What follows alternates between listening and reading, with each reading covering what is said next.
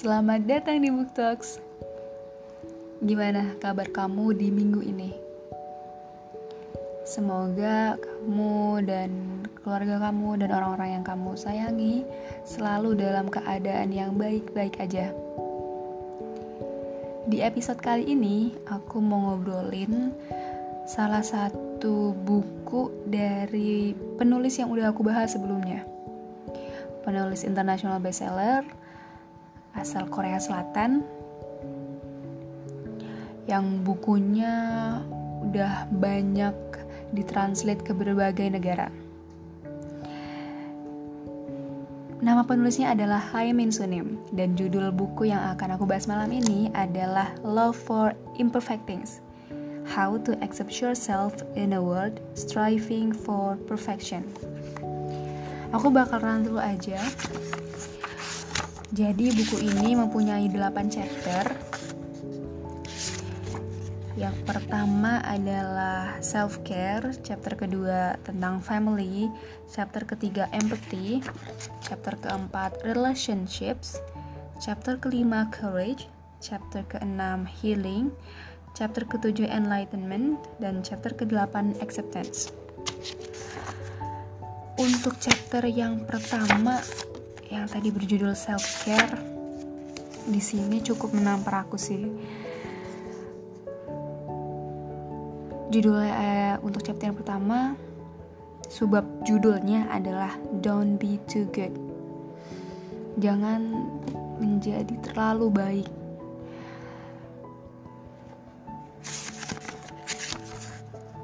Be good to yourself first, then to others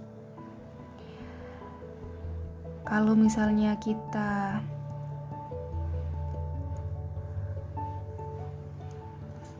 menjadi orang yang terlalu baik, nggak apa-apa jadi orang baik. Di sini maksudnya adalah terlalu baik untuk mengiyakan segala macam keinginan orang lain tanpa melihat keinginan kita sendiri. Jadi kalau misalnya ada orang lain yang uh, meminta kita untuk melakukan sesuatu, kita akan langsung memikirkan orang itu. Kalau kita enggak iyain, dia bakal gimana nih? Tanpa kita nanya ke diri sendiri dulu, kalau misalnya kita iyain, kita gimana? Nah, di sini Haimin Sunim bilang kalau itu nggak baik. Itu nggak baik buat diri kita, itu nggak baik buat kebahagiaan kita. Kita selalu menyampaikan mengesampingkan diri kita sendiri. Padahal diri kita sendiri hal diri kita sendirilah yang harus diutamakan. Kalau di pesawat aja nih lagi ada keadaan darurat yang harus diutamakan adalah kita memakai selang oksigen dulu sebelum kita menolong orang lain bahkan anak kita sendiri. Jadi kalau misalnya nanti ada keinginan dari orang lain yang ditujukan ke kita, coba kita tanya diri kita sendiri. Kita tanya ke diri kita lebih dulu. Kalau kita yain, kita gimana? Kita seneng gak nih ngeiyain? Kita oke okay nggak? Ngeganggu nggak buat kita? Dengan kita menolong perasaan kita bakal gimana sih? Gitu. Jadi jangan sampai kita terpaksa untuk melakukan. Tapi ini kalau dari itu itu menurut Haimin Sunim. Tapi kalau dari aku pribadi kita ngeliat sikon sih. Kalau misalnya emang bener-bener urgent kita harus mengedepankan humanity-nya juga. Kalau kita ya harus menolong gitu. Tapi jangan terlalu sering dan jangan jadi yes man Instead, try to make others understand what you are feeling by expressing it in words. Don't worry that expressing yourself will cause the other person to dislike you and the relationships to become strained. If the other person knew about your life, how you really felt, she or he probably would not have made such demands of you. ya benar jadi kalau misalnya orang yang emang ngerti kita paham kita gimana pasti paham. Kalau kita menolak gitu. Atau dia pasti paham untuk uh, menyampaikan keinginannya dia ke kita.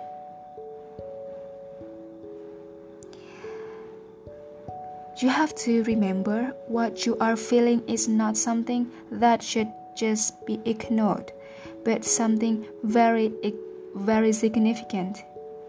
The feelings inside you will not easily disappear just because you decide to suppress or ignore them. Jangan terlalu sering menekan perasaan deh, itu nggak baik soalnya.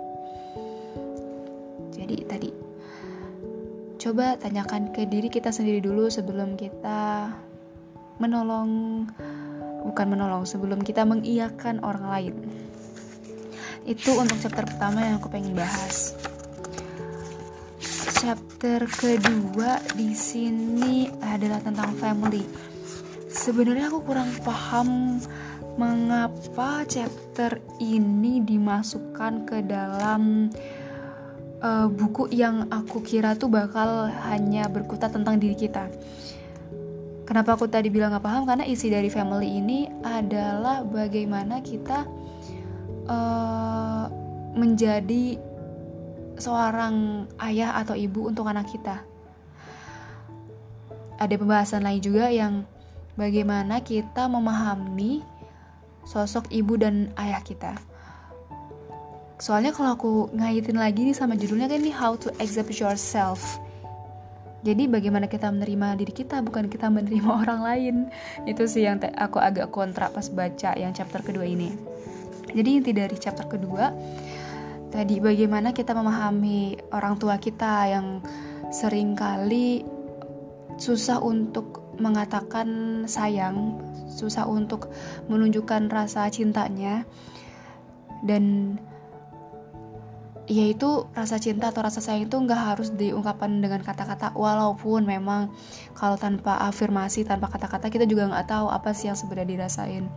Men di sini Hamin Sunim lebih menekankan coba kita lebih peka lebih sensitif dengan sekeliling kita, dengan keluarga kita, uh, bagaimana tindak tanduk sekeliling kita dan ya kita harus memahami gitu.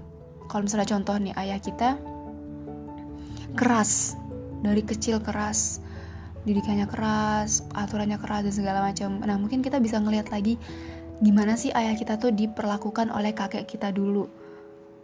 Karena itu bisa ada kaitannya gimana dia memperlakukan kita itu seperti dia gimana dia diperlakukan oleh orang tuanya. Seperti itu.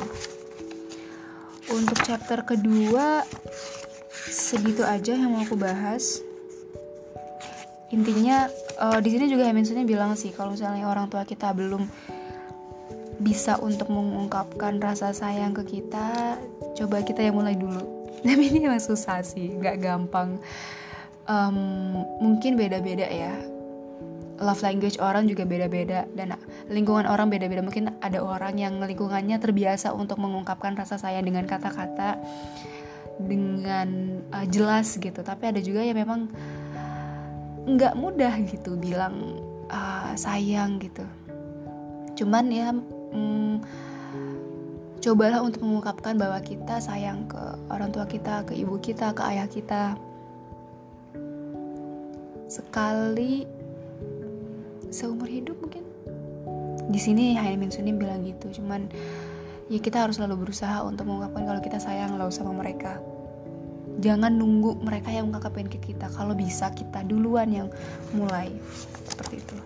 Untuk chapter ketiga ada empathy. Di sini lagi-lagi yang tadi aku bilang aku kurang mengerti kenapa Haymin Sunim masukin chapter yang ketiga ini juga untuk buku yang aku kira bakal berfokus pada diri kita, penerimaan diri kita di sekeliling yang kadang menuntut untuk kesempurnaan.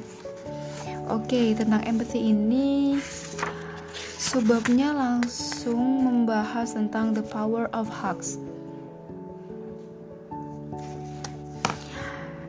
The Power of Hugs ini Haimin mengungkapkan bahwa hmm, hugs atau peluk bisa menambah umur seseorang ini ini istilah aja sih. Jadi kayak pelukan itu bisa mengurangi masalah kita pelukan bisa tiba-tiba membuat uh, kita bahagia membuat kita nyaman membuat kita berasa masalahnya terangkat gitu.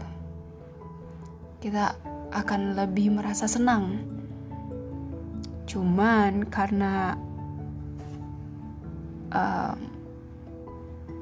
pelukan ini kan mungkin di ada beberapa golongan yang tidak bisa mudah untuk melakukannya apalagi dengan yang bukan uh, haramnya gitu. Jadi ini aku agak kurang relate juga. Nah di sini Hamin emang berfokus pada bagaimana pelukan itu bisa membuat yang tadinya awkward menjadi enggak, terus yang tadinya punya riwah gitu kayak banyak masalah jadi hilang gitu. Di sini ada kata-kata yang berkaitan dengan hugs yang aku pengen bacain. Because I have experienced in pain, I am able to embrace the pain of others. Because I have made mistakes, I am able to forgive others' mistakes. May my suffering become the seed of compassion. Jadi ya dari pelukan itu bisa mentransfer energi-energi baik dan bisa memahami tanpa perlu diungkapkan dengan kata-kata. Itu untuk chapter yang ketiga. Dan chapter selanjutnya yang chapter keempat berjudul relationships. Relationship di sini hmm, berkaitan dengan nggak cuman ke pasangan secara romans tapi ke partner teman gitu. Uh, di sini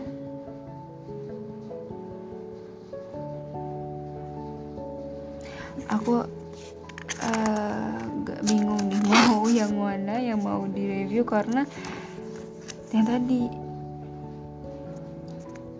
Hmm, kurang relate juga sih untuk judulnya. Oke ada yang aku bacain di sini. Uh, Sunim I finally figured it out.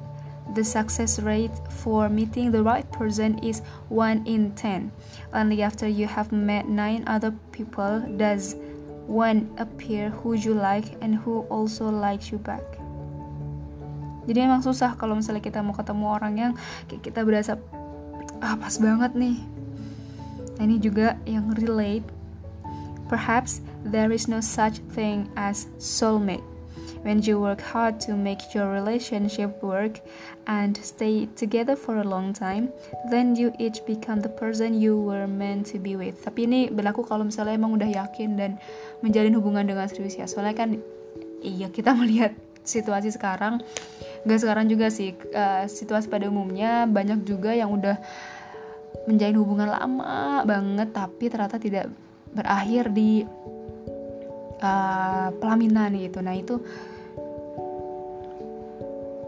ya soulmate itu kalau kata Haimin kalau ini bukan bagaimana kita ketemu terus langsung ngerasa gitu tapi waktu yang akan menjawab seperti itu. Terus di sini juga ada if you really like someone you do not over the excuse that you are busy. No matter how busy you are you still make time. If he constantly makes excuses let him go. You deserve better than him. Oke, okay, itu untuk relationships. Untuk selanjutnya yang aku pengen bacain adalah uh, di sini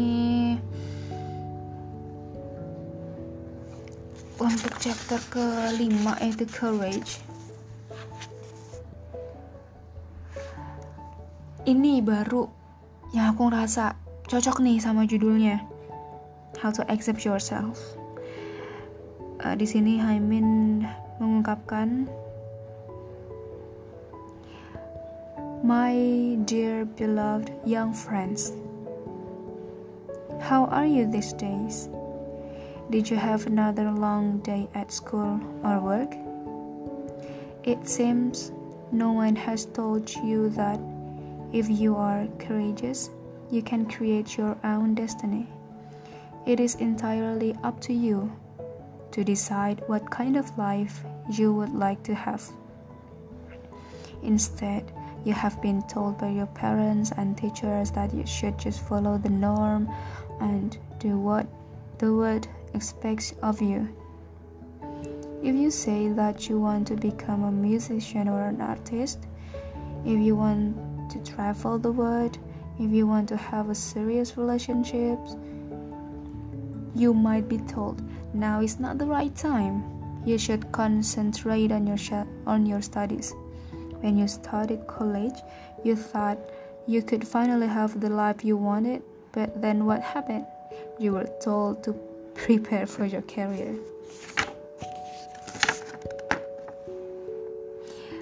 Again, you were bombarded with reasons to delay your own life. We have become accustomed we have become accustomed I'm sorry for not pronounce it well.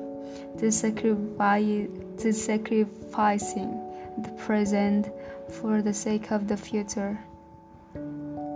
We consider it matter of course that the present just has to be put up with until one day that bright future arrives.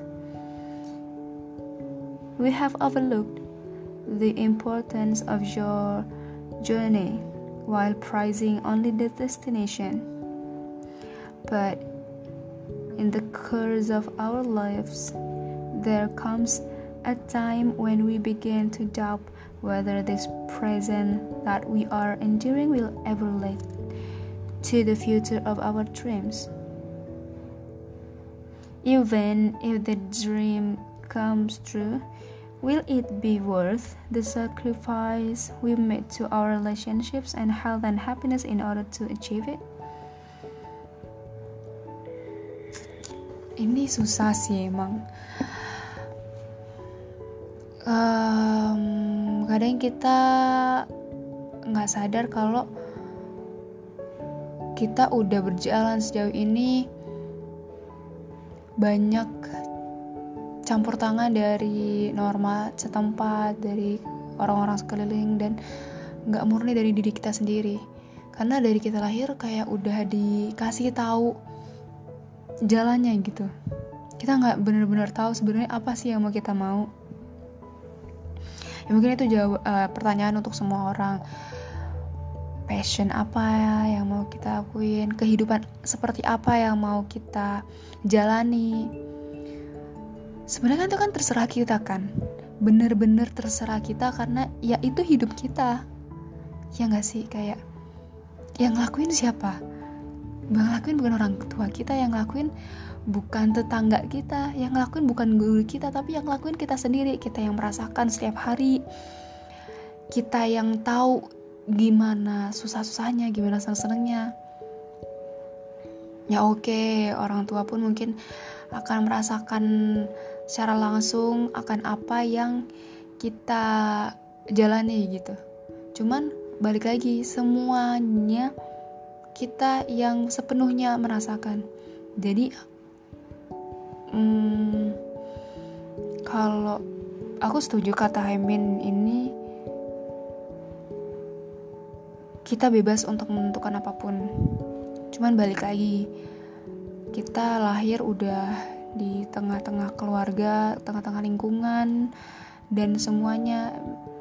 Kadang sulit, apalagi kalau kita dihadapkan dengan kehidupan yang kalau kita pikir logika ya harus menjalankan pilihan A gitu. Karena kan kita punya tuntutan juga. Lagi nanti kalau kita misalnya mandiri. Cuman yang pengen aku ungkapkan adalah uh, coba cari. I'm trying to. Kayak aku juga masih nyari sih.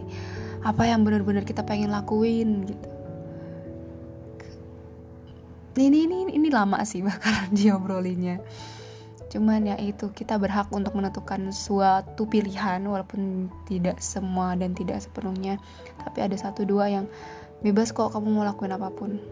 Jangan takut YOLO Oke, jadi itu buat episode yang eh buat episode buat chapter yang kelima tentang courage. Jadi semangat buat chapter selanjutnya. Oh, di chapter 5 ini ada the first failure juga ada kegagalan. Kegagalan di sini ya klasik sih kayak nggak apa-apa kalau misalnya kita merasakan kegagalan, uh, sering merasa tidak berhasil. It sucks, rasanya nggak enak. Cuman ya itu hidup gitu, dan harus terus berjalan. Kalau misalnya lagi di posisi yang merasakan kegagalan, baiknya kita harusnya sih udah tahu cara untuk oke okay, nggak apa nih kita berkabung dulu akan kegagalan yang kita alami. Tapi kita kayak udah kasih batasan nggak boleh lebih dari uh, misalnya nggak boleh lebih dari tiga hari nggak boleh dari semalaman. Dan harus ada trigger-trigger untuk membangkitkan semangat kita lagi. Itu yang tahu siapa? Yang tahu adalah diri kita sendiri oke okay, untuk uh, frustration and failure are part of life. If we do not flee from them but accept, the, accept them calmly, we come to know what do we do. We come to know what we need to do next. Maaf ya. Kayaknya dari tadi aku lidahnya kayak agak-agak tidak berhasil deh mengucapkan bahasa Inggris. Oke, okay, untuk chapter selanjutnya yaitu healing. Uh, di sini subbabnya ada when forgiveness is hard. Terus ada tentang I'm a little depressed. Kalau yang forgiveness is hard uh, sama kayak waktu aku bahas di buku Haimin yang sebelumnya. Jadi coba memaafkan orang lain, memaafkan situasi, memaafkan apa pun itu. Kalau susah dengan memaafkan objeknya atau subjeknya, coba memaafkan dari ngeliat ke kita, ketenangan di diri kita sendiri. Kalau misalnya kita nggak maafin orang itu, kita marah sama orang itu, tapi orang itu tuh nggak berhak akan emosi kita. Jadi coba di maafkan atas dasar ketenangan dalam diri kita sendiri seperti itu terus untuk yang I'm little depressed ini tentang bagaimana dia di sini cerita Hemen Sunan cerita uh, tentang temannya yang dia sudah memasuki kepala empat tapi belum menemukan ketenangan diri gitu. Jadi depresi dan uh, belum menemukan alasannya kenapa gitu. Nah di sini Hamin uh, memberikan tips bahwa untuk depresi itu coba kita hadapi coba kita lihat dengan hati-hati bukan enggak hati-hati lihat dengan baik tentang apa sih yang kita rasakan coba kita observasi. Lalu di sini Hani juga memberikan tips untuk bernafas dengan tenang breathe in breathe out. Coba kita tenangkan diri kita dan sambil melihat ke negatif thoughts yang kita punya itu asalnya kenapa gitu. Kalau misalnya kita udah tahu coba hadirlah di masa kini. Jangan terus-terusan uh, masuk ke dalam angin angin apa tuh? Angin puyuh. Bener ya? Angin puyuh. Angin puyuh ya pokoknya pusaran angin puyuh. Coba kita keluar dari situ. Jadi kita bisa tahu akar masalahnya itu kenapa. Seperti itu untuk chapter selanjutnya yaitu enlightenment chapter ketujuh. Di sini ada beberapa yang pengen aku bacain.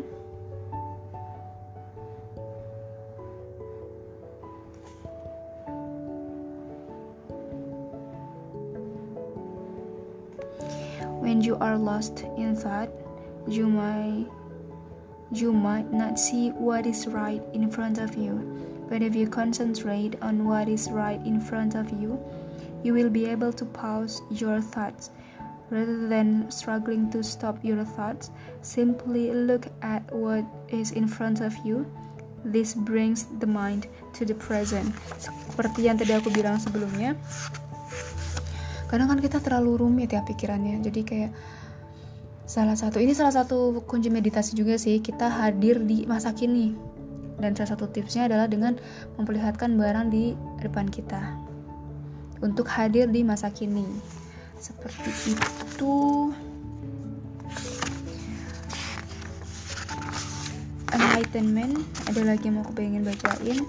Your life is difficult not because the past is holding you back but because you keep thinking about the past and lingering there rather than haggling with your past let it be so that it can flow like a river Your true self is not the river of your memory, but the one who stands beside the river, quietly observing its flow. Jadi, kayak yang tadi kita jangan ikut ke dalam sungainya, tapi kita ada di samping sungainya tuh. Kita melihat gimana si sungai itu mengalir. Jadi kita nggak kebawa arus sama pikiran yang uh, ini kan kompleks ya pikiran itu. Jadi kita bisa mengontrol apa yang mau kita pikirkan.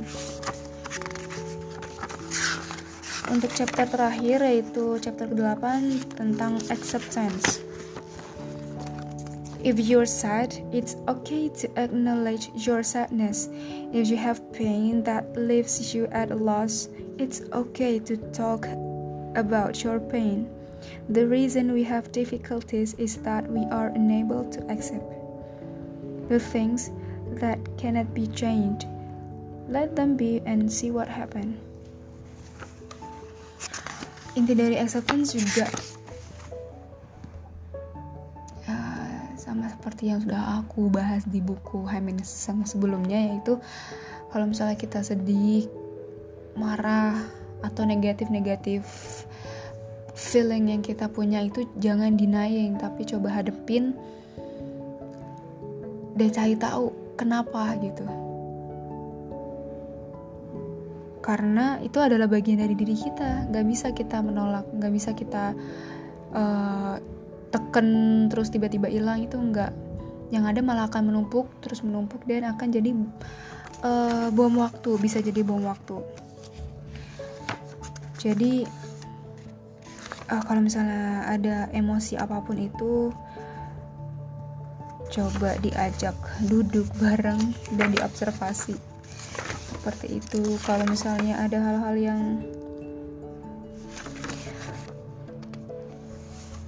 enggak baik kita cari tahu oh, bukan hal-hal yang baik perasaan kita jadi jangan denying terus sama perasaan yang kita rasakan karena itu adalah bagian dari kita sendiri. Seperti itu untuk 8 chapternya. Untuk yang terakhir yang aku pengen uh, ungkapin tentang buku ini, aku nggak begitu suka sebenarnya. Setelah baca itu kayak uh, nggak relate. Bukan gak relate tapi judul sama isinya tuh nggak pas. Yang pas itu cuman di part ya chapter yang pertama tentang yang tadi don't be too good sama yang tentang courage. Oh sama tentang acceptance. Tapi itu udah per, uh, secara nggak langsung poin-poinnya tuh sama kayak yang buku sebelumnya yang the things you can only see when you slow down. Dan ini sebenarnya cerita sedikit sih. Aku nggak ada maksud untuk beli buku yang selanjutnya ini karena dari buku yang pertama aku kayak merasa udah cukup dan uh, nggak tertarik lagi kalau secara isi ya untuk beli buku selanjutnya. Tapi karena ini yang belum tadi yang dari tadi belum aku ungkapin adalah tentang ilustrasinya jadi ilustrasinya itu bagus banget. Itu bagus banget. Dan ilustrasi di buku ini dibuat oleh Lisk Feng. Artwork by Lisk Feng. Itu bagus banget. Dan itu adalah salah satu alasan yang bikin aku beli. Karena bagus banget. Emang bagus banget. Dan hmm, kalau buku yang pertama aku lebih suka dari buku yang ini jadi yang buku ini yang bikin aku merasa kok gitu sih? Itu karena disclaimer di awal yang how to accept yourself in a world striving for perfection. Tapi isinya kita mm, bahas tentang orang lain juga terus bahas yang uh, hal-hal udah dibahas sebelumnya seperti itu. Tapi ini cocok banget buat kamu yang emang butuh buku untuk mm, menerima tapi nggak juga sih karena ini bukan tentang bagaimana kita menerima diri kita secara sepenuhnya ya. Tapi mungkin ya cocok untuk kamu yang pengen self improvement pengen buku yang uh, teduh sejuk gitu. Kayak buku yang menasehati dengan lembut. Ini cocok banget. Dan yang suka ngeliat ilustrasinya ini bagus dan cocok banget. Seperti itu. Oke okay, segitu dulu buat episode kali ini btw maaf banget temen-temen aku episode yang sekarang nggak ada nggak akan mengedit satupun. Karena seperti yang episode sebelumnya udah aku ceritain engkornya lagi kurang kurang nih. Jadi aku edit edit pun suka ngacak gitu menitnya. Jadi oke okay, malam ini aku juga nge-recordnya nggak bakal aku edit tapi langsung aku tambahin back sound dan langsung aku upload maaf maaf ya teman-teman kalau misalnya ada kata-kata yang dari tadi nggak jelas atau kelamaan diem. Dan jujur juga untuk kali ini aku nggak pakai teks. Jadi langsung uh, ngeliat dari buku dan beberapa uh, penanda di halaman. Jadi ya seperti itu. Oke okay, terima kasih buat yang sudah dengerin. Semoga bermanfaat Sampai jumpa di episode selanjutnya.